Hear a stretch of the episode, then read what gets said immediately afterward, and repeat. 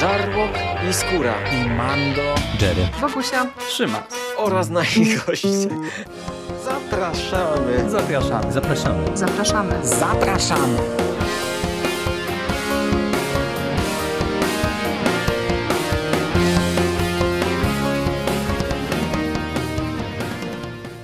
Cześć, z tej strony Michał Rakowicz, czyli Jerry i zapraszam Was wszystkich bardzo serdecznie na kolejny odcinek konglomeratu podcastowego i kolejny odcinek przeglądu komiksowego.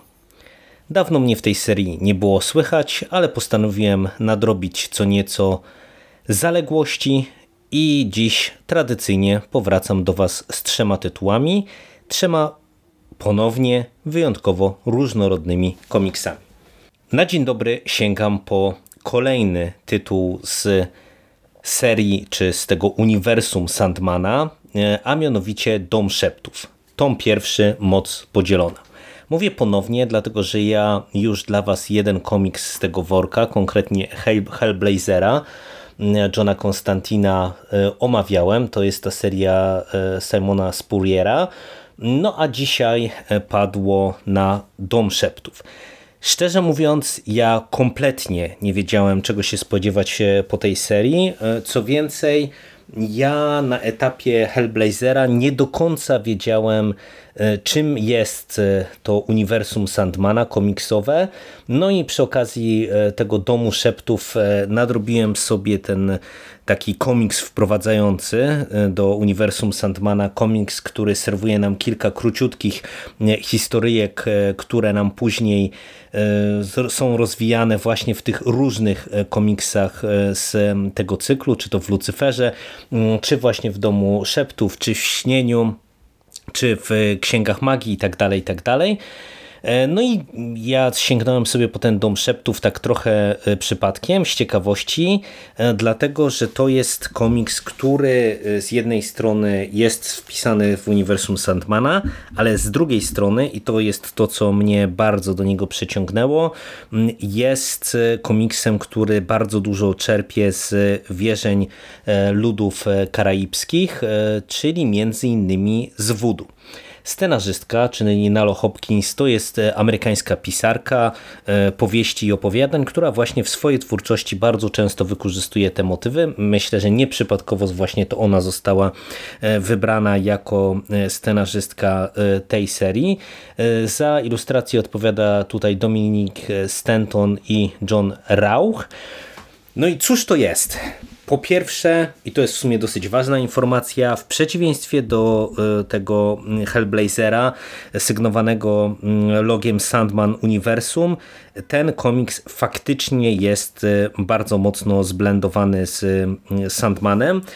Nie na poziomie samego, samej postaci Morfeusza, no bo to też było dla mnie pewne zaskoczenie, chociaż pewnie nie powinno być.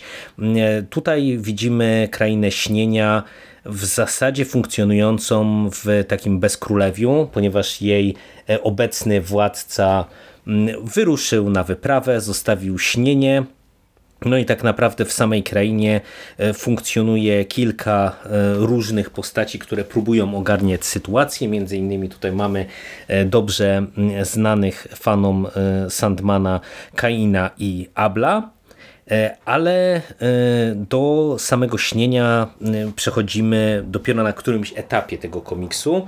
Na wstępie poznajemy boginię Erzuli. To jest bogini, która jest boginią miłości i przyjemności i ona odpowiada za mm, sny wierzących w wudu, czy w chudu, bo to chyba tak się prawidłowo e, tę religię e, nazywa, ale na skutek e, pewnych wydarzeń zostaje wespół ze swoim domem zesłana, wysłana, trafia do e, śnienia, czy na granicę śnienia i z, zaczyna funkcjonować w takim trochę limbo. Z jednej strony jest w śnieniu i nie może e, się po nim w pełni swobodnie poruszać, z drugiej strony nie może wrócić do swojego świata, a wszystko to w związku z tajemniczą e, szczeliną na granicy śnienia, także tak jak widzicie, no tutaj e, no zdecydowanie jest to komiks powiązany bezpośrednio właśnie z tym Sandmanowskim uniwersum. Z drugiej strony tak naprawdę to jest tylko część kłopotów, bo e, w tym komiksie poznajemy przede wszystkim e, parę dziewczyn, Latoje i Megi, które w sumie tak przypadkowo zaczynają czytać pewien dziennik, pewien pamiętnik, i jak się szybko okazuje, nieświadomie e, wprawiają w ruch e, bardzo niebezpieczną grę, bardzo niebezpieczną maszynę, bo jest to pamiętnik, dziennik e, takiego bożka Shankpana, bożka chorób i plag. Bożka związanego także z Erzuli, który no, w tymże dzienniku zapisywał sobie różne swoje plany na jakieś plagi, choroby itd., tak itd. Tak no i nasze dziewczyny w trakcie lektury w nieświadomy sposób sprowadzają na ziemię nową e, plagę, nową chorobę, e, która no, w pewien sposób także zaczyna łączyć się ze śnieniem. To zaczyna funkcjonować w ten sposób, że postać, która jest zarażona, przestaje tak naprawdę cokolwiek czuć, e, jakiekolwiek emocje, wszystko staje się dla niej takie szare, e, przezroczyste i co najgorsze, można to przez dotyk e, przekazać dalej, no i ta plaga zaczyna się szybko rozprzestrzeniać. Czyli mamy tutaj te dwa główne wątki, które mm, się coraz mocniej w trakcie lektury tego pierwszego tomu zaczynają splatać, przeplatać i to wszystko prowadzi nas do tak naprawdę cliffhangera, który e, będzie nas podprowadzał do dalszego ciągu wydarzeń w tomie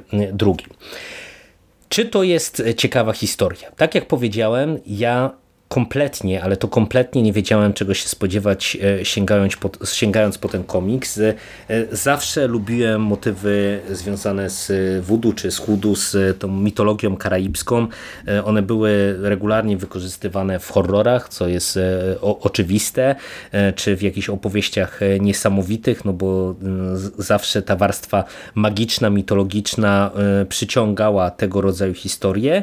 No i tutaj to wypada ciekawie ciekawie. Faktycznie dla ludzi takich jak ja, którzy gdzieś tam lubią tego rodzaju mitologię, e, to jest, e, wydaje mi się, dosyć ciekawy album, bo on czerpie pełnymi garściami właśnie z tejże mitologii i tutaj i to, jak funkcjonuje Erzuli, i to, jak funkcjonują w ogóle bóstwa, te wszystkie karaibskie, e, z którymi ona współpracuje, ma także takiego pomocnika od któregoś momentu wujaszka e, Poniedziałka, który jest e, aligatorem e, w takim cylindrze i to też jest dosyć z jednej strony zabawna, a kiedy trzeba to dosyć przerażająca postać. Mamy także właśnie tego bożka chorób i plag, który też jest dosyć ciekawą postacią i muszę się przyznać, że dosyć mocno niepokojącą w kontekście tego, co się na świecie dzieje mm, w ostatnich latach i sam pomysł na te główne osie fabularne, czyli z jednej strony na takie wybicie tych karaibskich bóstw ze swojego świata i sprowadzenie ich gdzieś tam na granicę e, śnienia i z drugiej strony cała ta plaga rozprzestrzeniająca się na ziemi, to są wątki e, interesujące. Mi się to czytało dobrze, przy czym e, nie będę ukrywał, że przez stopień zanurzenia się w karaibską mitologię Zajęło mi tutaj chwilę czasu, żeby się w ten komiks wbić, e, no bo e, twórczyni, autorka nam e, niespecjalnie cokolwiek na dzień dobry tłumaczy. No widzimy jakieś postacie, które dla nas, myślę dla większości z nas, którzy gdzieś tam nie siedzą w tym mocniej, są dosyć anonimowe. Też nie wiem na ile tutaj mamy zgodności z całą mitologią, z całym panteonem tych karaibskich bóstw. No zakładam, że jeżeli wzięto do scenariusza znawczynię i fascynatkę tego tematu, no to tutaj jakąś tam zgodność mamy. Ale e, im dalej w las, im e, dalej się ta intryga e, rozwija, tym łatwiej mi się już tutaj podążało za bohaterkami, za bohaterami i z tym większym zainteresowaniem śledziłem te ich losy.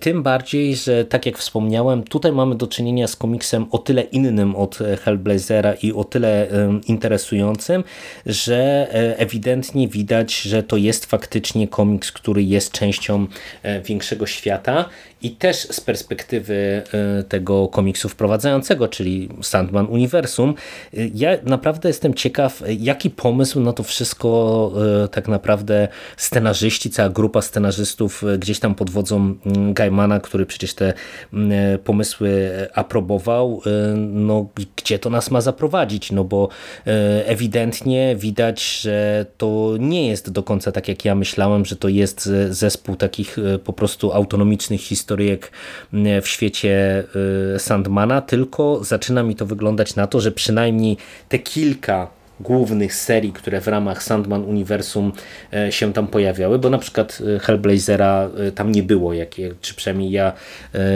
z tego co widziałem, to, to, to nie trafiłem na wprowadzenie do, do tego komiksu Hellblazer, ale widać, że w tych kilku głównych seriach no to się ma mm, jakoś tam przenikać i pewnie tworzyć nam może jakąś większą e, spójną całość. E, no to jest o tyle interesujące, że e, ja lubię dosyć takie uniwersa, te, tego rodzaju projekty i to też mnie kusi tym bardziej, aby sięgnąć po pozostałe komiksy z tego worka, no tym bardziej, że zaraz się okaże, że przynajmniej połowę połowę z tych serii y, napocząłem, no bo y, planuję też przeczytać y, Lock and Key w ramach Sandman Uniwersum, które u nas całkiem niedawno wydało Taurus Media. No i w tym momencie no to zostawałoby mi chyba Śnienie, Księgi Magii i Lucyfer, czyli no dosłownie bylibyśmy w połowie tego całego tego uniwersum Sandmana. Także no zobaczymy, co przyniesie przyszłość. Ja przed sobą mam już drugi tom Domu Szeptów, który się nazywa Ananse i będę po niego e, sięgał, będę się za niego wkrótce zabierał, no i na pewno też doniosę Wam pewnie w kolejnym jakimś tam e, odcinku przeglądu komiksowego, e, jak ta seria się dalej rozwija i czy nadal trzyma mnie w swoim zainteresowaniu. Na koniec dwa zdania o rysunkach. One w skrócie są w porządku. E, według mnie to, jest, to są rysunki, które pasują do tej serii. E, one są e, utrzymane w dosyć żywej kolorystyce. Te postaci mają fajną, żywą mimikę i to jest utrzymane właśnie w takim tym klimacie karaibskim, ja bym powiedział, więc no, to jest wszystko spójne. Wybrano, wydaje mi się, dobrą scenarzystkę do tematu, trafiła na dobrych, dobrego ilustratora, dobrych kolorystów, no i to powoduje, że e, ta seria no, wydaje się czymś interesującym. E, natomiast no, też warto na pewno o tym wspomnieć, że ten pierwszy tom absolutnie nie jest rzeczą autonomiczną. O ile w przypadku tego Hellblazera, którego omawiałem jakiś czas temu, myślę, że ten tom e, jakkolwiek trudno w niego się było wbić, to on e, oczywiście budował później jakąś spójną e, historię, ale mimo wszystko znaczną część tych opowieści dało się, myślę, czytać z Frajdą jako takie właśnie antologiczne historyjki. Natomiast no tutaj ewidentnie w Domie Szeptów widać, że to jest tom otwierający dłuższej serii. No i to myślę, że to też warto wiedzieć, no bo no, wypadałoby, żebyście chociażby sobie na przykład sprawdzili sprawdzili, czy was to rusza, czy nie, zanim zakupicie sobie po prostu całą serię. Drugi komiks e, w ramach dzisiejszego przeglądu to jest kolejny tytuł z uniwersum Batman Biały Rycerz. No dzisiaj mamy na początku uniwersa i w sumie poniekąd utrzyma się to do samego końca. Ten komiks to Harley Quinn. Uniwersum Białego Rycerza ja w zasadzie omawiam dla Was no, po album po albumie, tak jak one się w Polsce ukazują. E, teraz trzymam w ręku komiks e, Harley Quinn, e, który zbiera sześciozeszytówkę Batman Biały Rycerz prezentuje Harley Quinn oraz dodatkowy taki krótki komiks Harley Quinn czarny, biały i czerwony. No i tutaj, tak jak sam ten tytuł wskazuje, Harley Quinn wychodzi na plan pierwszy. To jest postać, jeżeli pamiętacie chociażby klątwę Białego Rycerza, która już w tamtym albumie e, bardzo mocno wybijała się na plan pierwszy.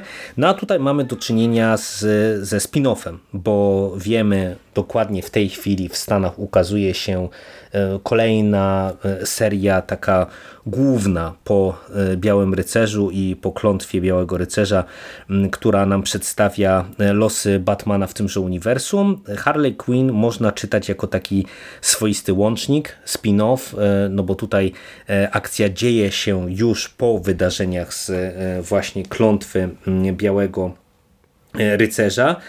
I na pewno e, to też warto na początku wspomnieć, lepiej pewnie e, najpierw zapoznać się właśnie z e, tamtym komiksem, no bo po prostu tutaj twórczyni spoileruje pewne rozwiązania z finału tamtego komiksu, no więc jeżeli jesteście przewrażliwieni na spoilery, no to uprzedzam, proszę czytać wyjątkowo chronologicznie twórczyni. To Was może zaskoczyć, bo architektem całego tego uniwersum jest Sean Murphy, natomiast tutaj scenarzystką tego albumu jest Katana Collins, czyli prywatnie żona e, Seana Murphy'ego. E, on e, w tym komiksie też jest wymieniany, ale właśnie jako autor pomysłu. Za rysunki odpowiada tutaj Mateo Scalera, a za kolory Dave Stewart. No, czyli mm, mamy tutaj kolorystę, bardzo solidną e, firmę.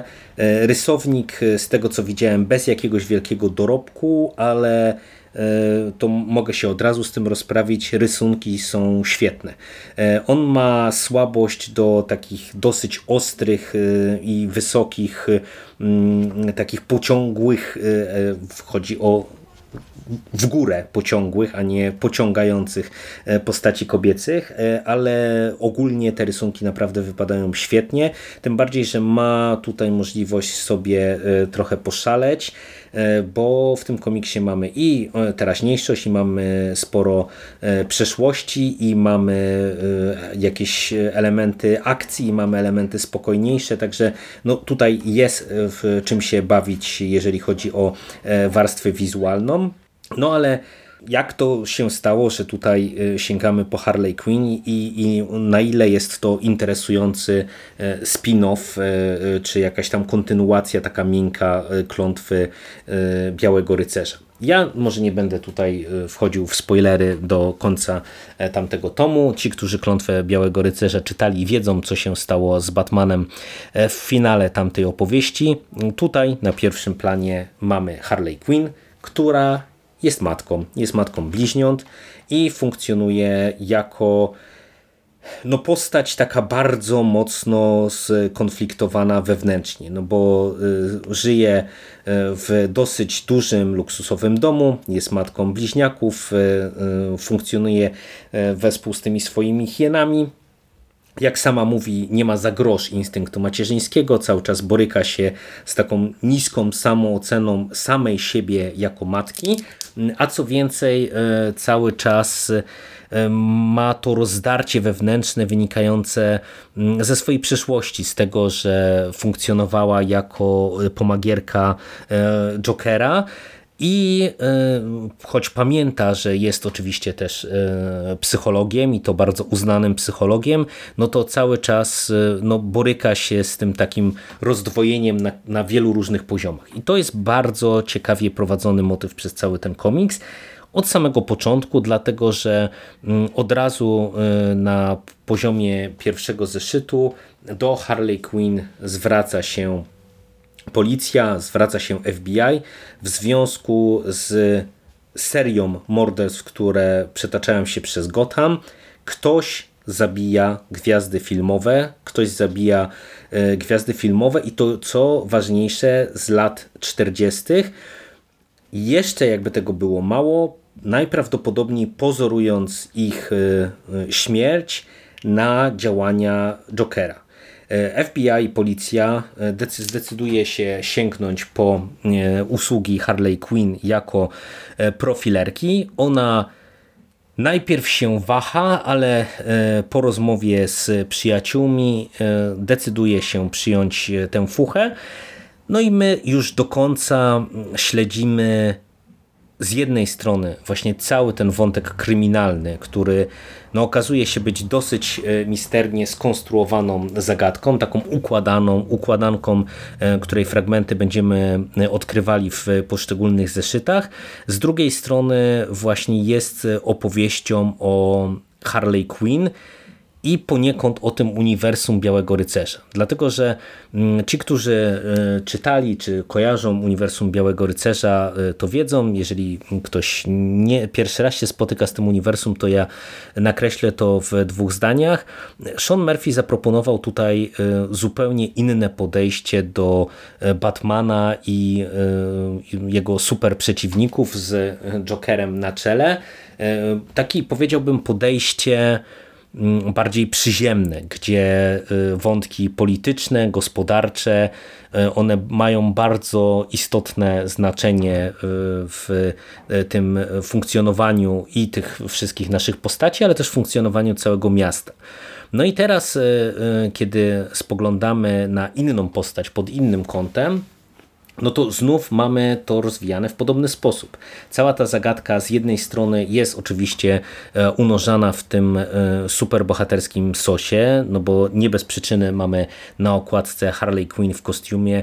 Mm, ona e, decyduje się właśnie przywdziać kostium, funkcjonując jaka trochę taka ni to superbohaterka, ni to antybohaterka, ale e, żeby wejść tam, gdzie na przykład, nie wiem, policja nie może i żeby pociągnąć za sznurki tam, gdzie w prosty sposób ona jako Harley Quinn, e, pani profilerka sobie nie poradzi, ale ta cała historia jest właśnie bardzo fajnie wmontowana w całe to uniwersum, dlatego że, tak jak wspomniałem na początku, oprócz tej głównej historii, którą jest ten wątek kryminalny, mamy tutaj bardzo dużo dużo elementów z przeszłości Harley Quinn, ale także jej wspólnej przeszłości, czy to z Jokerem, czy to z Batmanem, czy z członkami Batrodziny. I to jest super, moim zdaniem, właśnie przede wszystkim dla tych, którzy znają już y, coś y, z tego uniwersum Białego Rycerza, dlatego że to jest komiks, który nam bardzo ładnie obudowuje i podbudowuje i postać Harley Quinn, i relacje z tymi głównymi postaciami, e, głównymi e, bohaterami całego tego dramatu, czyli czy to z Bruce'em Wayne'em, z Batmanem, czy to z Jackiem Napierem z Jokerem, bo tutaj właśnie widzimy, jak ona się poznała z Jackiem, jak oni funkcjonowali jako para, e, jak ona próbowała go ratować, jak to się e, ostatecznie stało, że się rozdzielili, mm, jak to się stało, że e, my widzimy właśnie w tych wcześniejszych komiksach, że Harley jest w pewnej zażyłości z Bruce'em Wayne'em. To są wszystkie, wszystko bardzo, bardzo fajne motywy i całościowo ja uważam, że to jest bardzo sprawny mm, spin-off, y, bo on działa na dwóch poziomach. Z jednej strony podbudowuje nam właśnie tę główną postać, czyli Harley Quinn. Zakładam, że czyni to nie bez powodu, bo podejrzewam, że e, pewnie jej rola na przykład w tym kolejnym dużym arku pisanym przez Murphy'ego będzie jeszcze większa na przykład. Z drugiej strony e, to jest fajny komiks o niej jako o e, bohaterce właśnie takiej podzielonej, no bo umówmy się, to, że ona jest matką, to, że y, ma przeszłość y, taką bardzo skomplikowaną i funkcjonowała w różnych, także toksycznych relacjach, to wpływa na to, jaką jest kobietą tu i teraz. I to jej dojrzewanie do samoakceptacji y, pewnych własnych, czy to niedociągnięć, czy ograniczeń, akceptacji tego wszystkiego, kim jest, kim była, połączenie tego w jedną całość, to jest naprawdę świetnie tutaj zaprezentowane i to jest bardzo ciekawy wątek w tym komiksie komiksie. Ta zagadka kryminalna powiedziałbym, że ona jest poprawna. Ona jest ciekawa e, głównie ze względu na to, że e, jest unorana w tym takim noirowym, e, e, czarnym Hollywood lat 40. I, i to gra i na poziomie wizualnym, i na poziomie fabularnym, chociaż no, sama ta zagadka to, to nie jest coś, e, za co ja bym na pewno wyróżnił tę miniserię. No i przede wszystkim bardzo mi się podoba to, że mamy tutaj właśnie te wszystkie retrospekcje, które, tak jak powiedziałem chwilę wcześniej, podbudowują nam to uniwersum, czego naprawdę fantastyczną puentą jest ta króciutka e, historyjka zatytułowana Czerni, Biały Rycerz i Czerwień, która e, no, opowiada nam jak to w walentynki Harley Quinn chce napisać walentynkę dla swojego przyjaciela, czy dla swojej miłości. I to jest komiks, który właśnie jest znów. Z jednej strony taką historyjką tu i teraz, ale z drugiej strony jest kolejnym e, kamyczkiem, który nam buduje mm, całe to większe uniwersum i ten komiks jest naprawdę świetny, e, także świetny wizualnie, no bo tutaj ten biały, czarny i czerwony jest wykorzystany w kolorystyce, faktycznie cała historia jest utrzymana tylko w tych barwach, mm, jest świetnie narysowana, świetnie e, pokolorowana, wypada to naprawdę bardzo, bardzo ciekawie. No i to jest komiks, który zdecydowanie y, wywołał we mnie jeszcze większą chęć na y, kolejną odsłonę Uniwersum Białego Rycerza. Także no, trzymam kciuki, że jak tylko ta seria się w Stanach zakończy, będziemy mogli doczekać się wydania zbiorczego, no to Egmont oczywiście będzie e, kontynuował tęże serię. Tym bardziej, że podejrzewam, że to jest jeden z takich mm, hitów e, sygnowanych logiem DC e, i logiem Black Label w portfolio Egmontu, no bo to jest po prostu bardzo, bardzo dobra seria e, z Batmanem i ja ją e, każdorazowo wszystkim polecam, no bo na ten moment to są trzy albumy, które, po które można sobie sięgnąć, jak ktoś chce po prostu właśnie fajną, nietuzinkową superbohaterszczyznę z Gackiem w roli głównej. No i na koniec trzeci tytuł i tak jak powiedziałem, no poniekąd trzymamy się uniwersów, a mianowicie teraz przejdziemy do uniwersum Gwiezdnych Wojen. Tak, to jest e, pewnie zaskoczenie dla części z Was, ale sięgnąłem po miniserię z e, Uniwersum Gwiezdnych Wojen i to po miniserię, której no myślę, że z mm, prawdopodobieństwem bliskim 100% e, my się nie doczekamy w naszym pięknym kraju. Chodzi mianowicie o komiks Dark Temple Jedi Fallen Order jest to prequel napisany przez Matthew Rosenberga z ilustracjami e, Paulo Vinaleliego, e, czyli rysownika, który już przy kilku komiksach e, gwiezdnowojennych pracował, nawet z tego co pamiętam przy kilku wydanych w naszym kraju.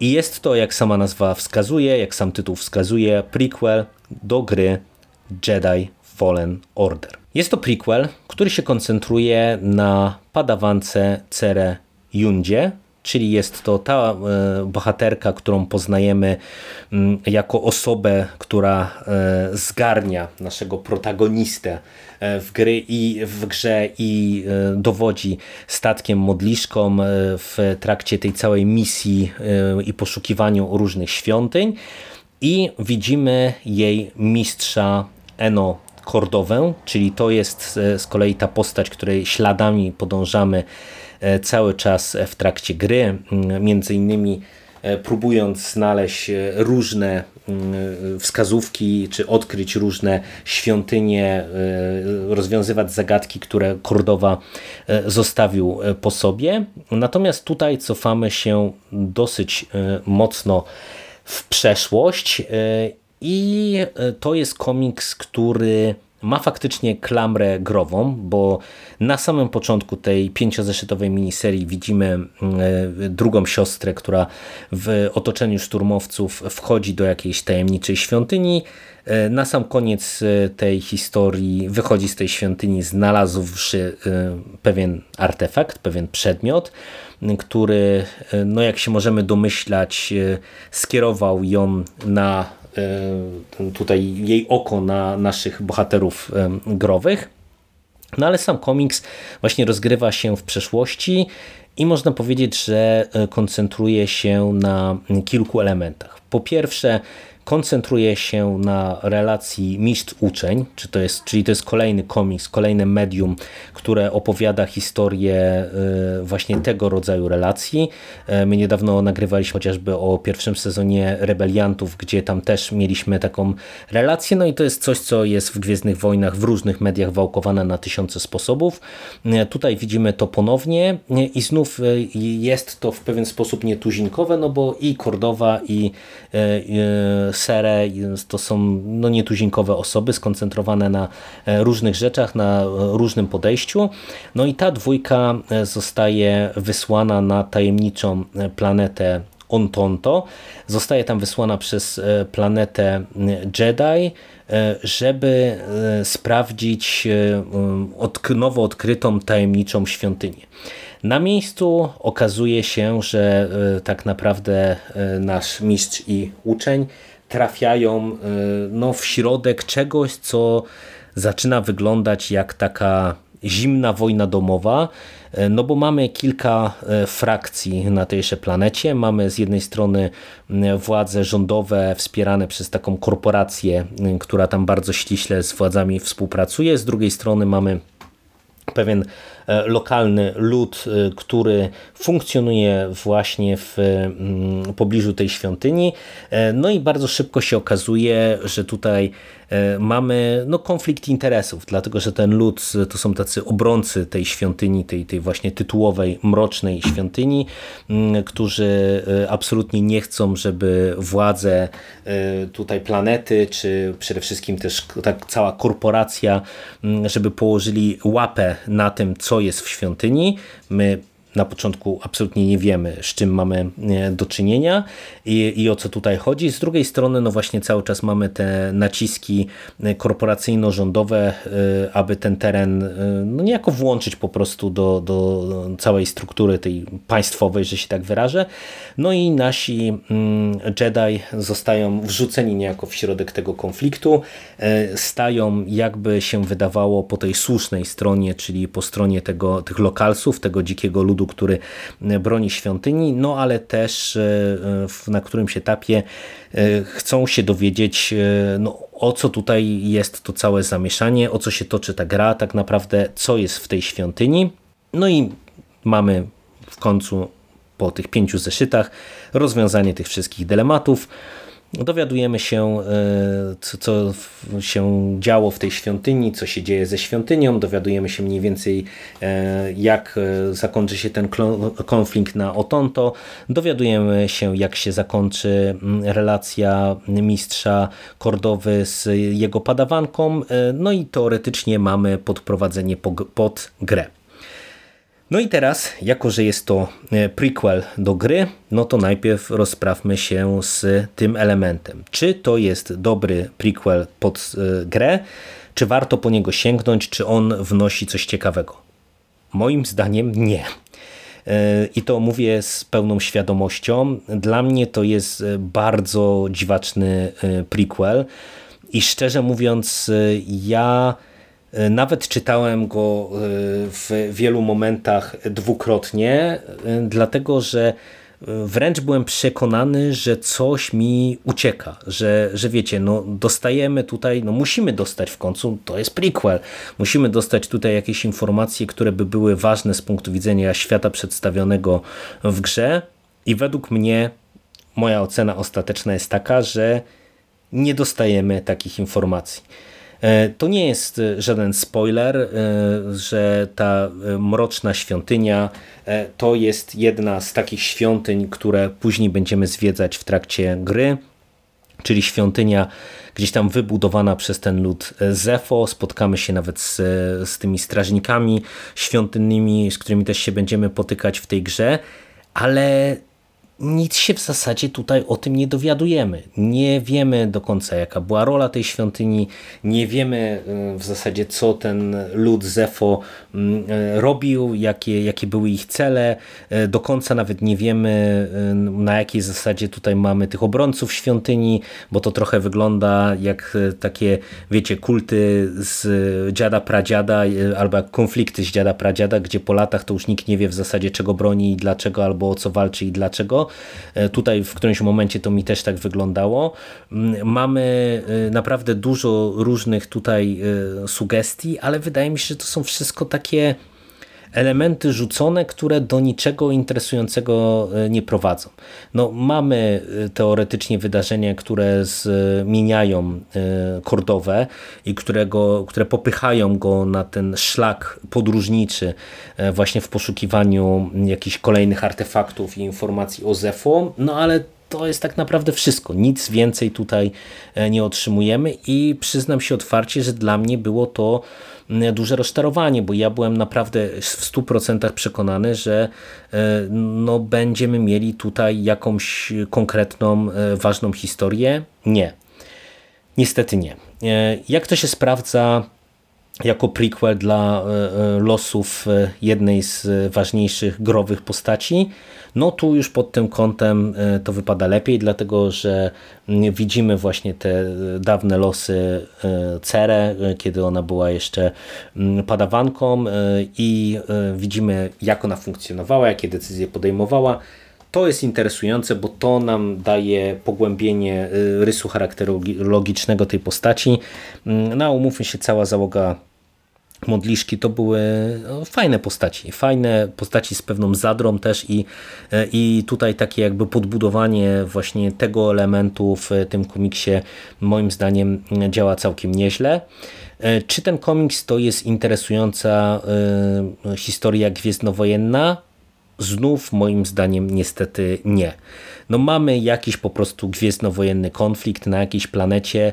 Y, naprawdę ja miałem cały czas poczucie, mm, że cała ta wojna na Ontonto to się toczy nie wiadomo o co. E, w zasadzie e, te, te strony konfliktu są tak zarysowane, że niby z jednej strony są wyraźnie grubą krechą zaznaczone, z drugiej strony właśnie te ich interesy wszystkie są takie tak przedstawione, że, że my w zasadzie nie wiemy do końca dlaczego im tak bardzo zależy na uznaniu swoich własnych racji e, kosztem tej drugiej strony.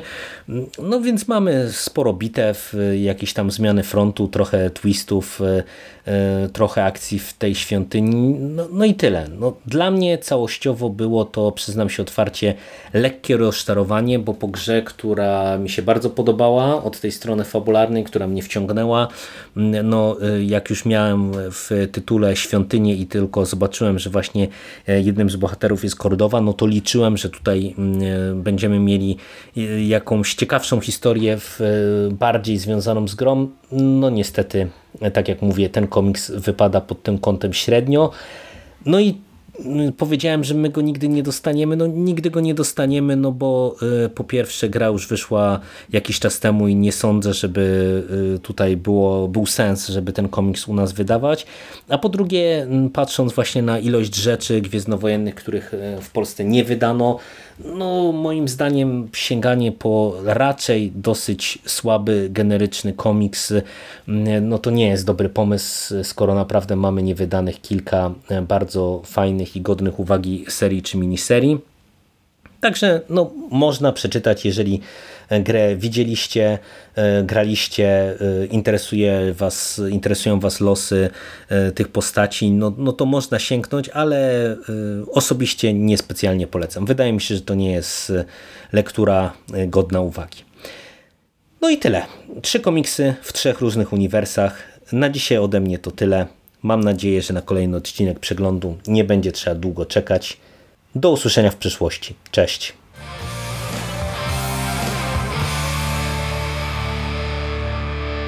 You finished? That's it, man. Game over, man. It's game over. What the fuck are we gonna do now? What are we gonna do? It's over. Nothing is over! Nothing! You just don't turn it off!